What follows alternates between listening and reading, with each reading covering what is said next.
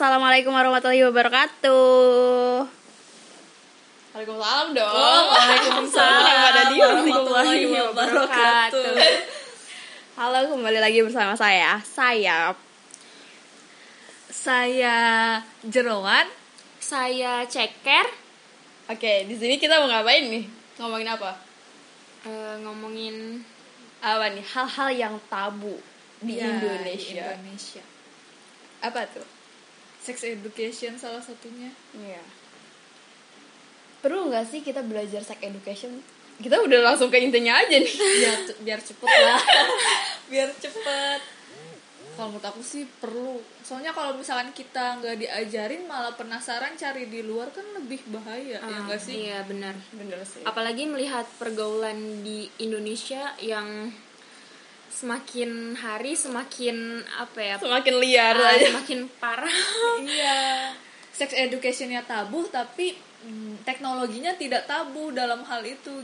Jadi gimana ya kan anak jadi nyarinya di luar kalau orang tuanya ngelarang Iya, dan benar. sekolahnya ngelarang. Berarti peran orang tua tentunya sangat ini ya Besar, besar banget buat sex education.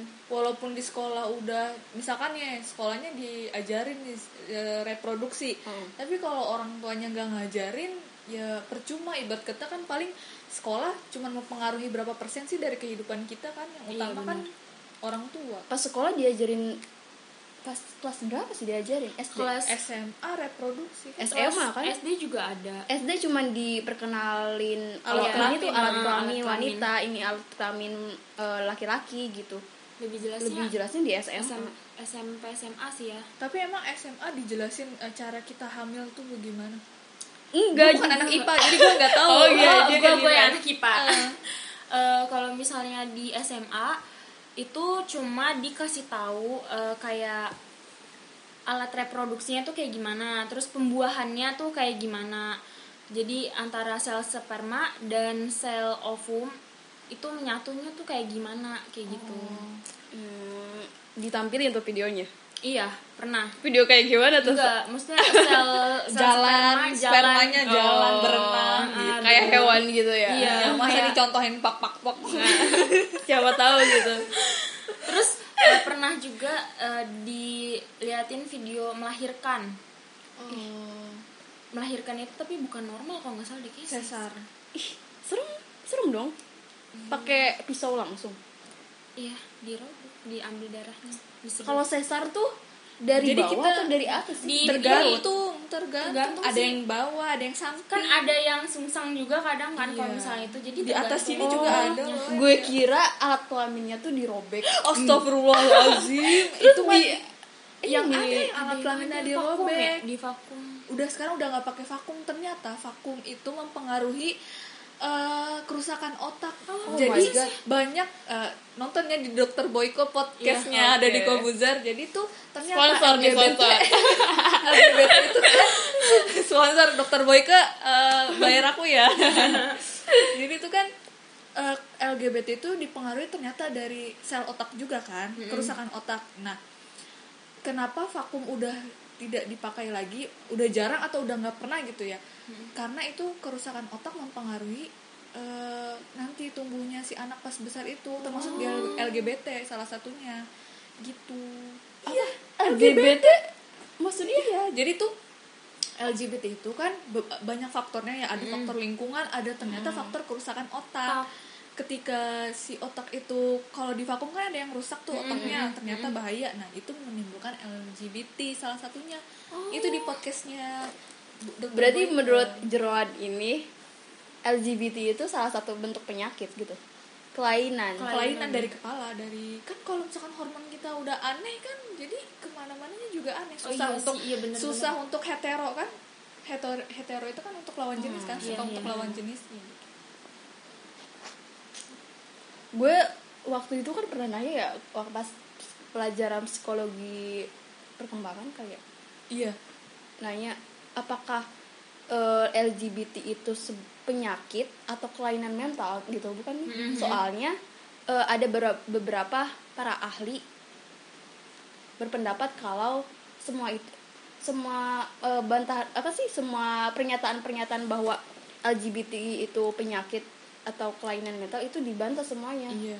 Iya kalau di psikologi itu eh, apa namanya LGBT itu bukan kelainan bahkan dokter pun bilang itu LGBT bukan bukan penyakit mental bukan pokoknya faktornya itu hanya dorongan apa ya kelainan seksual kalau nggak salah jatuhnya tuh kelainan seksual bukan bukan eh, kerusakan mental maksudnya bukan penyakit gitu Bukan Kan kalau penyakit penyakit kan bisa mental. disembuhkan Hmm. ya kalau misalkan LGBT itu bisa diterapi tapi tidak bisa straight gitu. Jadi nggak eh, misalkan udah nikah nih sama lawan jenis bisa aja dia kambuh lagi tapi bagaimana dia mengendalikannya itu di terapi itu gitu.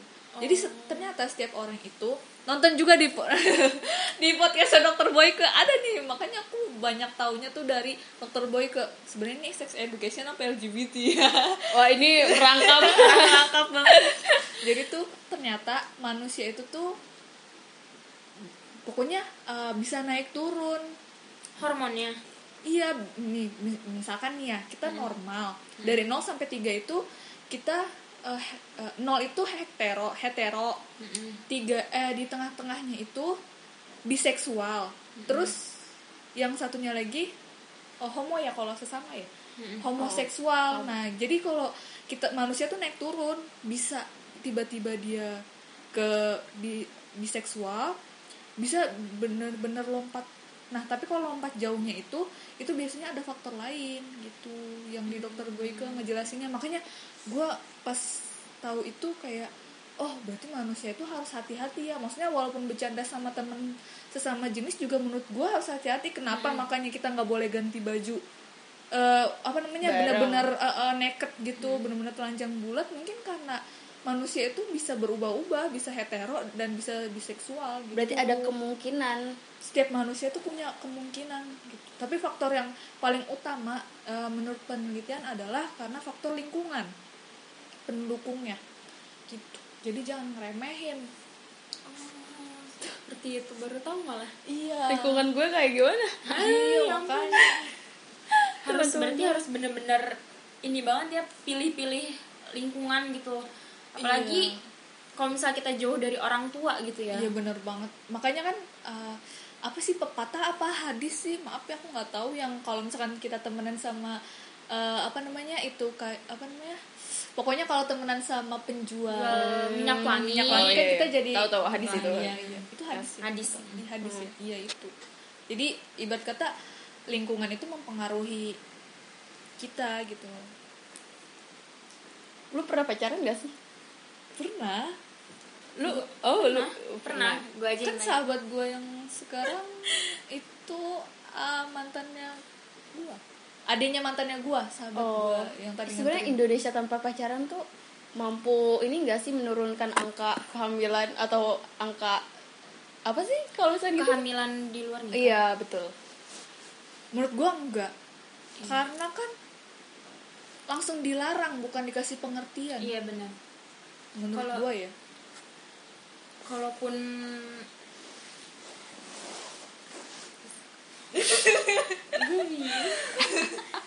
kenapa Jadi grogi ya? Cek, jadi grogi. ya, kenapa ya kalau ada letter aman jadi grogi? Iya takut Bu. tadi lancar-lancar aja ngomongin ini ya kan lu yang pacaran nih Iya. gitu. Menurut lu di pacaran sisi dulu lu sehat ketika- gak ketika ada Indonesia tanpa pacaran menurut lu realistis banget apa? Kalau misalnya menurut gue sih enggak ya karena kan kan kita manusia. Gitu kita kalau misalnya suka kayak gimana sih kita suka sama orang gitu. Tapi gak bisa deket maksudnya gimana ya? Sebenarnya temenan juga bisa sih. Sebenarnya pacaran itu nggak harus kita cium-ciuman nggak harus kita eh, peluk-pelukan mesra-mesraan. Sebenarnya sih nggak gitu pacaran. Sebenarnya kita pacaran ya kita sebagai teman sebagai teman untuk bicara teman ngobrol teman eh, apa? Teman ya. Buat makan bareng Nah iya juga ya? seperti itu. Itu yang namanya pacaran yang sehat. Tapi kan eh, tergantung individu sih kalau misalnya menurut gua.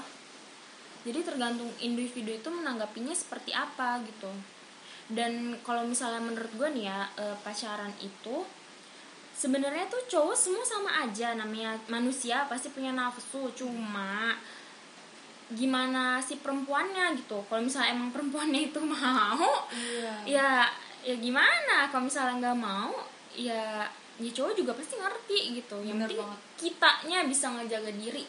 Intinya gitu. Karena menurut gue semua cowok sama. Iya.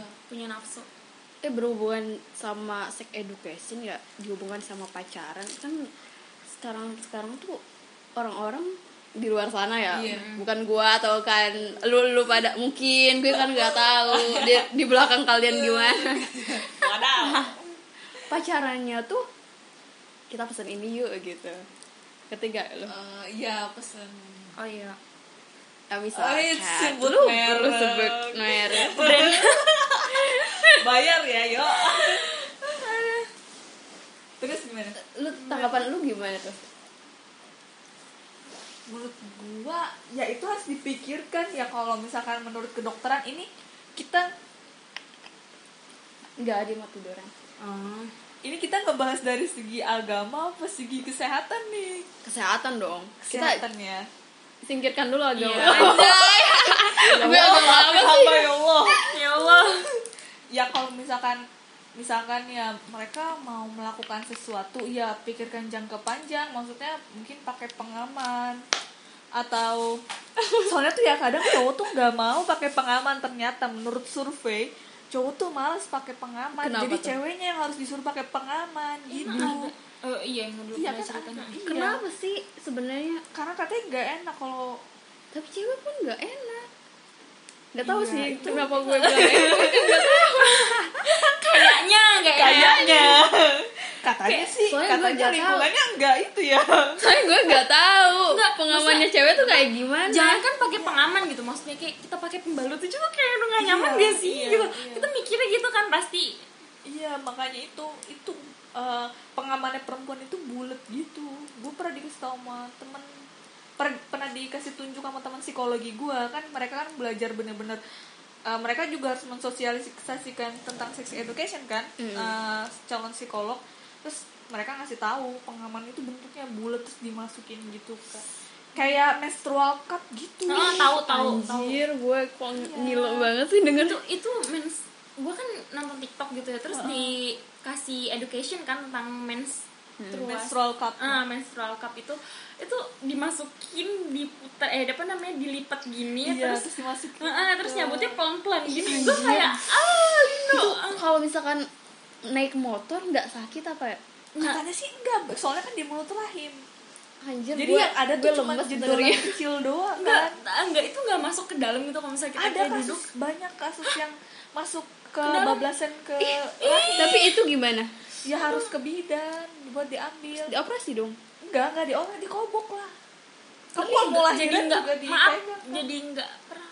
Nah banyak yang bilang kalau pakai menstrual cup jadi nggak perawan karena kan sering dimasukin itunya ya. Cuman kan kita belum tahu maksudnya sekarang kan masih banyak penelitian tentang menstrual cup kan. Mm. tapi dosen aku sih bilang eh, kalau bisa jangan pakai menstrual cup lah. Kasihan otot rahim kamu gitu kan nahan Oh, dia nahan, nahan mm. kan dia gede kan gitu. Maksudnya karet sebu apa ya alat dimasukin ke situ selama berjam-jam gitu. Parah banget. Ya cuman kan itu kembali lagi ke individu masing-masing ya. Itu cuman artis- perawatannya artis- susah juga loh. artis-artis tik TikTok pakai itu tuh oh iya. Cuman susah juga loh ternyata kenapa perawatannya. sih nggak pengamannya maksudnya laki-lakinya gitu yang pakai pengaman? Sekarang kan banyak rasa gitu. rasa yang murah kan? Murah. Iya murah ya. Itu pengaman cewek mahal kan? Kurang tahu deh aku nggak pernah beli. Gue pernah waktu itu buat pementasan beli sama cutting pengaman gue. cewek? Pengaman cowok. Lupa gue harganya berapa. Buat apa? Belasan dak buat ini buat pementasan oh iya murah kok maksudnya. Pementasan apa yang pakai itu? Buat buat atribut pementasan. 19 detik. Pementasan 19 detik. Kata gue pementasan apa yang pakai kayak gitu? Iya itu. tapi kan maksudnya nggak harus pakai eh, pengaman yang berbentuk itu. Bisa aja pengamannya KB ya kan? Oh gue pernah kemarin lo ketemu mbak mbak masih muda. Kayak kayak di bawah gue gitu masih imut. Sepantaran seusia gue iya seusia kalian. Mm. terus dia beli eh, KB dua box langsung. Terus emak gue emak gue ya julid sekali ini. Di mobil emak gue bilang gini yakin gak lu dia udah nikah? Ih kagak tahu. Dari badannya sih kagak terus gini sama gue juga kata emak gue ah nggak boleh seuzon mas. Kan banyak sekarang yang nikah muda. Gitu aduh. Tapi ya itu kan tergantung masing-masing gitu. Cuman menurut gue ya yang gue concern itu sekarang tuh banyak anak kan jadi yang gak tahu nasabnya siapa ya gak sih? Karena banyaknya free sex terus satu kumpul kebo di kosan tuh banyak loh ya banyak kan? banyak. Banyak banget. Eh, jadi apa namanya Eh, ya itu loh fakultas kita. Heeh. Eh, terus pokoknya ada lah orang yang cerita ke gua gitu. Jadi anak fakultas kita aja tuh ada yang kayak gitu banyak di mahkota malah. Open bo eh bukan.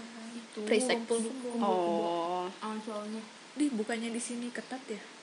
Waktu awal-awal mahkota itu. Perasaan di sini ada pelangnya. Lima ratus ribu. sebelum itu sebelum itu. Oh. ada yang cerita kan gue kaget gitu ya. Terus eh, anak-anak fakultas kita tuh pada tahu itu. Hmm. di tit ya di tit iya makanya itu menurut gue tuh. Makanya gue tahu tahu itu dari siapa kalau bukan dari itu. Makanya Ya, gue juga gua- mengikuti gua- jejaknya. gue kira temen gue doang yang itu. Ternyata sebelum temen gue tuh udah banyak anak fakultas kita. Turun menurun tapi emang udah biasa sih maksudnya waktu gue di Jogja nginep di rumah temen kayak udah hal yang biasa satu rumah sama pacarnya. Ah, gue ada nih eh, satu kasus. Jadi ini kita sebut artis TikTok lah ya. Nah jadi dia tuh eh, kayak gitu sama ceweknya. Terus eh, dia maaf ya ini ngeluarin spermanya tuh di luar ngerti nggak ngeluarin spermanya di luar kagak ngerti gua. Aduh gue gimana otak gue traveling nih hmm, ini kayak gitu tapi ngeluarin spermanya tuh di luar ngerti nggak? Tapi jadi hamil. Sekarang udah punya anak. Kok di luar bisa hamil? Makanya di itu. luar apa sih? Ngeluarinnya. Maaf ya eh, kan kalau cowok itu gimana sih? Gue juga awalnya nggak ngerti itu gue dijelasin panjang lebar gue nonton videonya video berarti kayak sama aja mengiyakan kalau misalkan ada sperma di kolam renang bisa hamil dong ya ya ya menteri apa menteri? Apa sih? Dia kayak begitu tapi dia ng- kan kalau misalnya cowok kalau udah apa sih ejak ejakulasi. Mm-mm, ejakulasi itu kan ngeluarin sperma. Tapi sebelum ejakulasi itu dia udah ngeluarin dan ngeluarinnya di di luar ngerti nggak?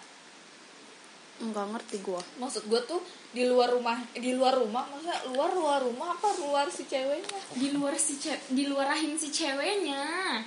Ya tapi kan mungkin sebelumnya dia emang udah pernah free sex. Kan hamil bisa aja tiga bulan. Tapi kan dia berhubungannya tiga tapi dia bulan selalu di sebelumnya. luar dibilang gitu. Tapi dia selalu di luar tapi dia hamil. Dan Dia Itu masuk kan kuliah. alibi. Emangnya lu pernah lihat langsung? Ya, dia itu- baru masuk kuliah apa emang udah enggak dia baru- artistik kan oh. Belum lulus SMA itu. Oh iya nggak bisa mungkin belum lulus SMA tapi otaknya apa namanya keluar katanya sih dia sengaja ngehamilin si ceweknya karena si ceweknya itu orang kaya. Ih, jahat banget sih. Kayak gitu. Sedih dah kalau itu. Kasian terus si cowoknya pas si ceweknya hamil selingkuh. Oh iya kayak gitulah soalnya ya gitulah tapi dunia. yang gue bingungin emang kayak gitu ya? Kalau misalnya ngeluarin di luar bisa hamil? Enggak lah. Tapi katanya iya bisa. Karena kan kita nggak tahu pas di dalamnya apa kali keluar nggak sengaja. Katanya sih gitu. Kayak ya iyalah maksudnya siapa yang tahu? Mm-mm. ya kan? Tapi bentar deh aku mau nanya dong. Gimana sih cara eh, ngasih pelajaran atau ngasih education gitu ke anak-anak kita anak-anak kita. Nanti gitu kan anak nanti, kita gitu. Gimana sih supaya lu mungkin soalnya orang tua gue sendiri ngebicarain itu tuh malu sama gue iya, iya bener. Gue juga. Oh. kalau emak gua kan frontal ya tapi gue yang malu.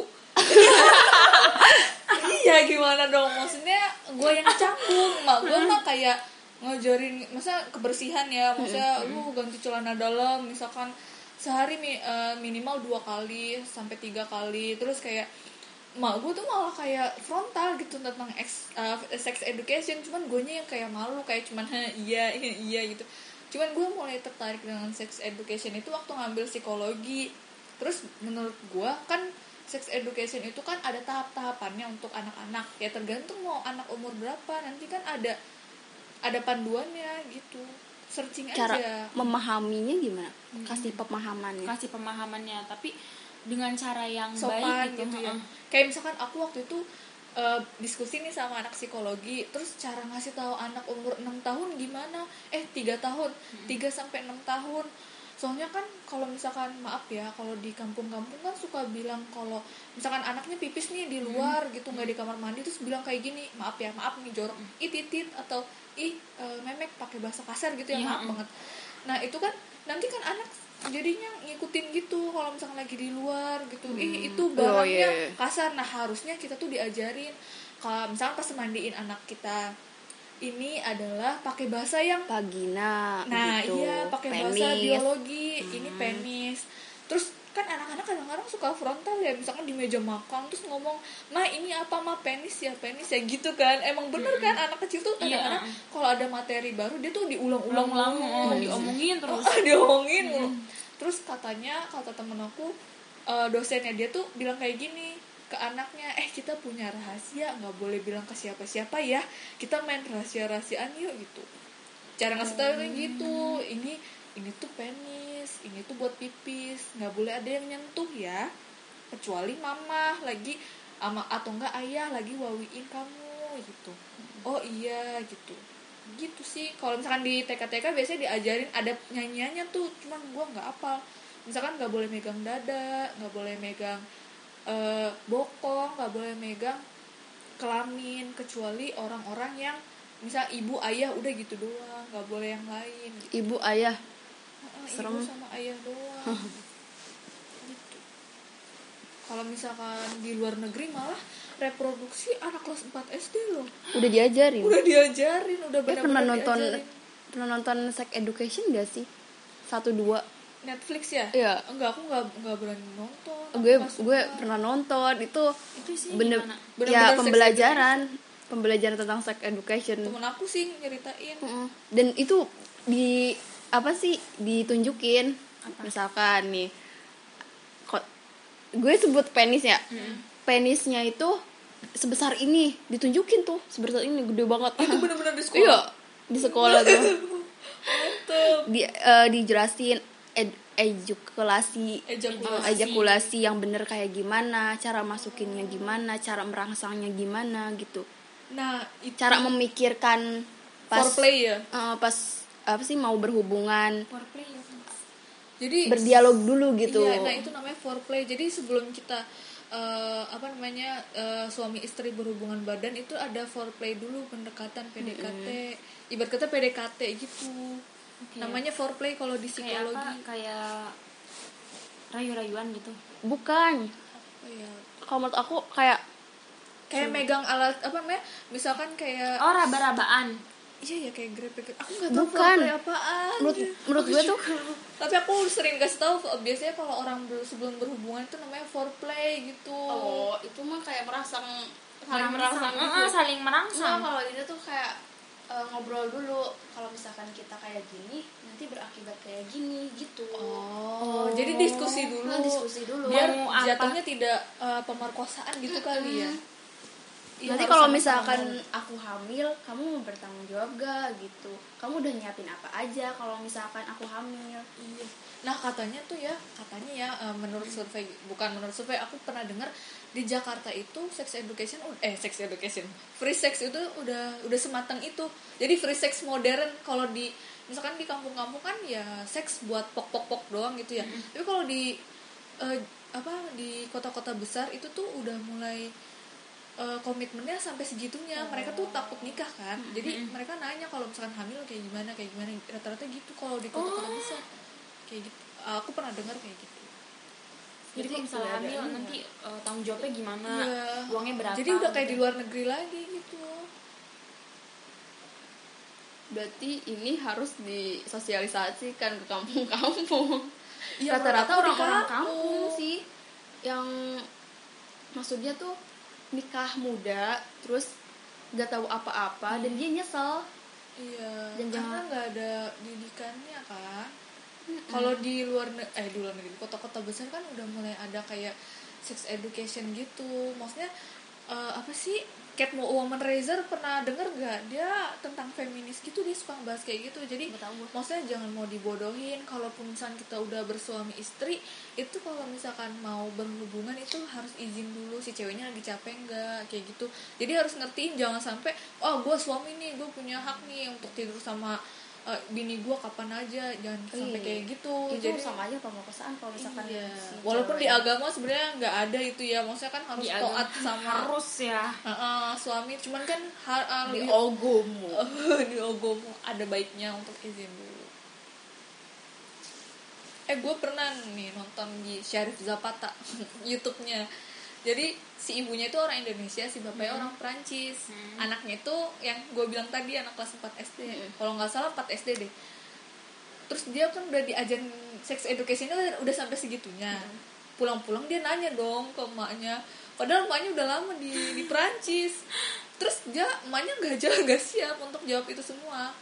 Jadi kata emaknya e, yaudah kamu belajar aja di sekolah. Kalau di rumah nggak boleh nanya-nanya itu karena emaknya ngerasa itu tabu kan kocak banget ya padahal ibunya udah lama di Eropa Oh. tapi ngerasa nggak siap aja mama lu gitu gak sih soalnya emak gue iya gitu. mak gue gitu tabu ya Eh, Tabu. jadi pas waktu awal gue haid gitu ya mak gue cuma bilang kayak gini jangan eh, bila- eh, jangan kasih tahu siapa-siapa Oh, jangan betul. kasih tahu bapak jangan sampai ketahuan bapak. Kenapa emang Cuma- kalau ketahuan bapak? Ya, nggak tahu gue juga. Jangan sampai ketahuan bapak. Maksudnya kalau misalnya kayak gue udah haid karena gue haid itu kan kelas 5 SD kelas 5 SD apa kelas 6 gitu gue SMP ya? SMP kelas SMP dua. kelas dua. Gue mah. Eh kelas satu gue SMP dua. kelas 2 bayangin gue dan emak gue nangis. Iya. Kok nangis? iya udah gede. gue nggak tahu gue tahu.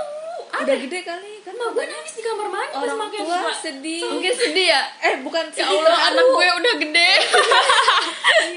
Di gue pas menstruasi mak gue di luar kota gue nangis nangis gara-gara gue temennya cowok semua. Gue lagi dibully sama temen cewek. Gue mikir kalau temen gue cowok semua gue udah nggak bisa sentuh-sentuhan lagi. Karena udah bukan mahram gitu. Gue nangisnya karena dapat bulian Oh, tapi lu udah ngerti di saat itu udah udah ngerti. Gue kan Kalau SMP gua kayak masih nggak ngerti terus pakai pakai pembalut sih masih kayak nggak ngerti mesti dipakein kayaknya.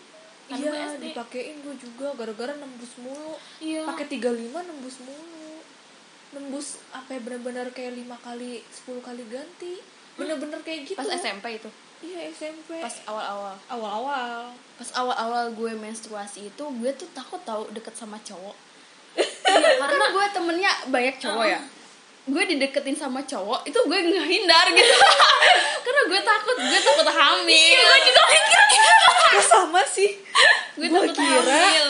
hanya karena satu kamar satu ruangan bisa hamil tau Iya. tanpa cuma karena sentuhan gue juga mikirnya gitu gue gue sampai kayak ya ampun gue harus ngindarin cowok gitu. Gue gue mau ke cowok. Ah gue takut soalnya mama gue juga bilang gitu kalau misalnya udah haid berarti tandanya udah gede. Eh, apa namanya kalau misalnya itu jangan mau diajak apa apa sama cowok jangan mau kayak gitu. Terus berarti kalau misalnya gue kalau misalnya diajak main ini mau? Iya Gua gitu. kira. kayak gue takut gak tau kenapa kayak rasa itu muncul dari dalam tubuh gue kayak hormonnya tuh hormon udah beda kayak sensitif gitu. Takut takut Kayak- apa apa takut hamil. takut Iya, hamil. Kayak khawatir kayak berlebihan gitu. Malah aku tuh diajarin sama teman aku. Kan aku sepolos itu ya aku nanya eh kalau misalkan satu ruangan sama laki-laki bisa hamil nggak? Terus teman aku yang SMP itu dia bilang gini aku diajarin mamaku kan aku tuh di pondok gitu kan eh, waktu SMP terus jadi ibunya tuh lebih frontal daripada emak gua dong. Emak gua kan cuman apa namanya ya paling sex education gitu doang. Kalau dia tuh bener-bener udah sampai eh, apa namanya ketika kelamin itu masuk kelamin laki-laki masuk ke kelamin perempuan itu Wah. SMP bayangin emaknya udah ngejelasin kayak gitu dan gue sex education dapat dari temen gue bukan dari mbak gue tapi eh, sampai saat ini mamah gue nggak ngajarin itu tau sama gue iya mak gue juga, Gua nggak ngajarin gak ngajarin itu. Dan- dan dan- sefrontal frontalnya mak gue nggak dan, ngajarin dan lu tau gitu. gak sih gue tuh pernah dibohongin sama teman gue jadi maaf ya temen gue tuh bilang kayak gini ya ya lo mau coli nggak? Kayak gitu. Terus apaan itu coklat? Iya, dan gua lu tau nggak gue percaya sampai kelas 1 atau 2 SMA dan itu gue baru tahu dikasih tahu sama temen gue yang co- cowok gitu. emang coli singkatan dari apa sih? Eh, nggak tahu gue juga. Colok Masa- liang eh gitu gak sih? Eh nggak tahu. Nggak tahu pokoknya intinya tuh ejak Ejakulasi. ejakulasi. Intinya itu. Terus gue dibisikin sama temen gue dan gue kaget. Gue sepercaya itu. Gue ngerasa kayak gue juga tahu-tahu. ya pas masuk kuliah kayak gitu kayak gituan. Gue pas SMA masturbasi aja tahu pas udah masuk lulus kuliah. lulus SMA tahu masturbasi kayak gitu-gitu. Soalnya film luar negeri kan suka sefrontal itu kan. Gue bingung itu apaan. Maksudnya cuman kayak bau baunya udah gak enak masturbasi apaan. Gue tuh sampai nonton film ya nonton film hantu. Terus ada adegan kayak gitu gue takut hamil.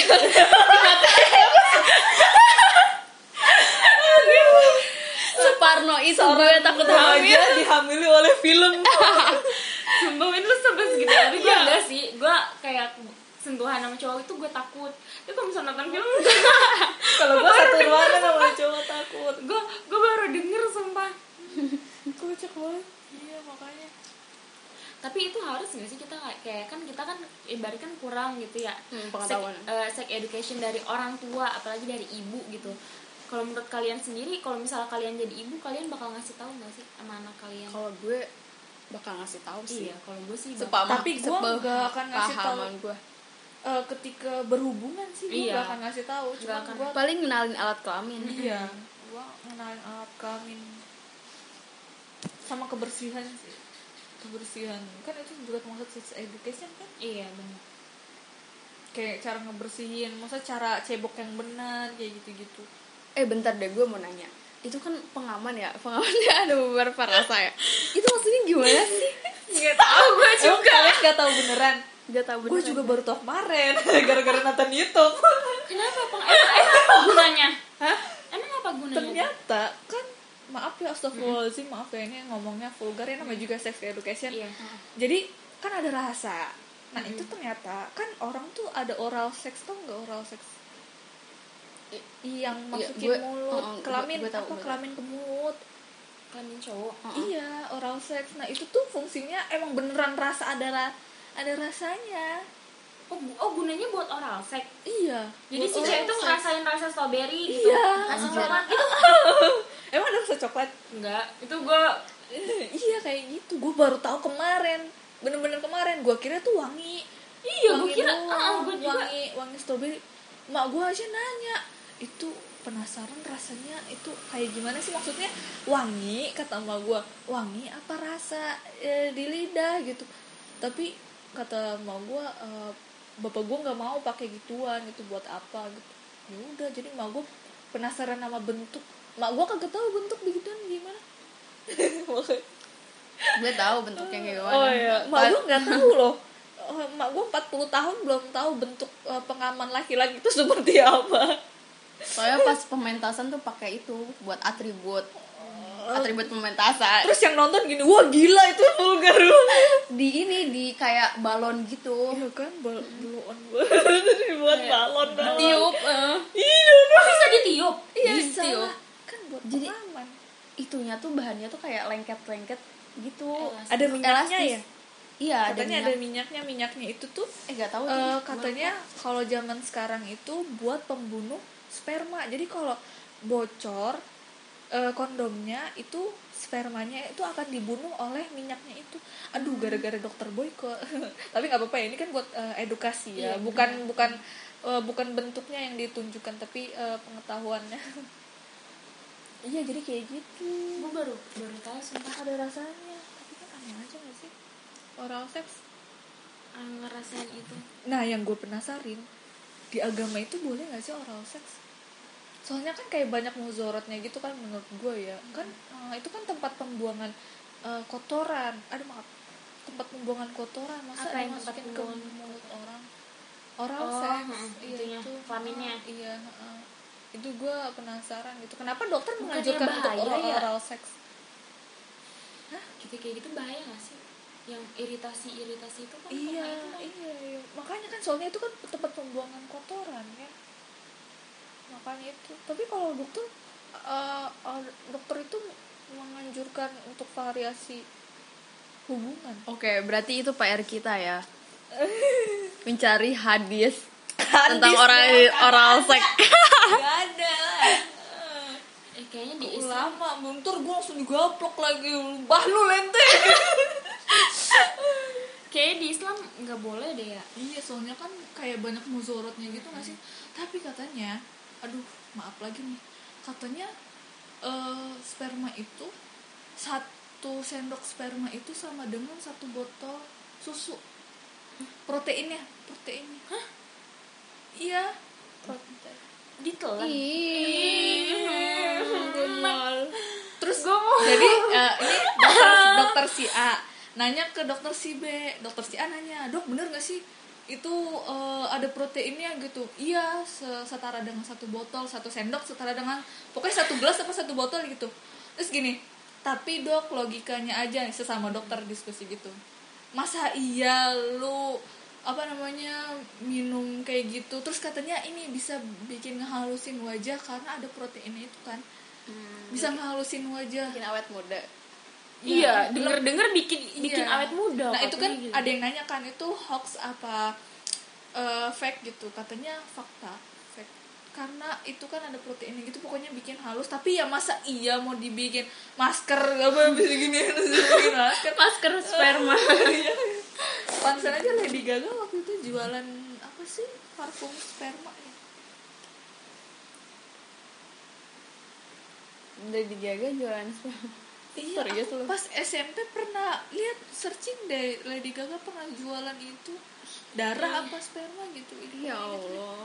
ya kalau misalnya nanti berumah tangga gitu kalian mau nggak gue jujur gue Nggak, mau nggak, mau. Nggak mau. Nggak mau. normal aja iya normal aja Coba Nabi gimana sih ininya? Nabi kayaknya normal dan Nabi aja itu kan apa namanya Allah aja melarang kita untuk berhubungan saat men mens dan dari dubur kan nggak boleh. Iya nggak boleh. Hmm. pasti ada hal yang boleh dan tidak boleh. Oral itu nggak kok gue boleh. jadi takut nikah? Nggak tahu ya. Makanya gue pengen nanya ke ulama Oke, kenapa berarti- dokter eh, apa namanya menganjurkan untuk variasi variasi hubungan biar gak jenuh sama pasangan katanya oral seks cuman menurut gue kan itu kan tempat buangnya kotoran Iya. pasti di agama nggak dibolehin Pipis kan di situ. iya pipis di situ tuh kan kotor gitu iya makanya dimasukin ke mulut Iya. Coba guys, kalau misalnya kalian nemu hadis atau Dalil. eh, dalil kasih tahu ke kita. Iya pasti kayak menurut gue sih nggak boleh deh lebih ke nggak boleh deh karena Iya. banyak muzorotnya kayak ya gitu deh Ya, kayak gitu deh. gitu deh Jadi gitu guys. Udahan aja nih. udahan Ya udah. ya udah Karena em, ini udah melebihi waktu yang sudah kami sepakati. Sekian dari saya. ambil baiknya buang, Buang buruknya. buruknya. maafin kalau misalnya kita terlalu jorok Iya, karena ini kan juga lagi ngebahas sex education, Sex education, gitu. iya. Maaf ya kalau misalnya ada kata-kata yang, Yang kasar, kasar. soalnya kami bukan makhluk halus. iya, kita bukan makhluk halus. Ya, ya udah. Wassalamualaikum warahmatullahi wabarakatuh.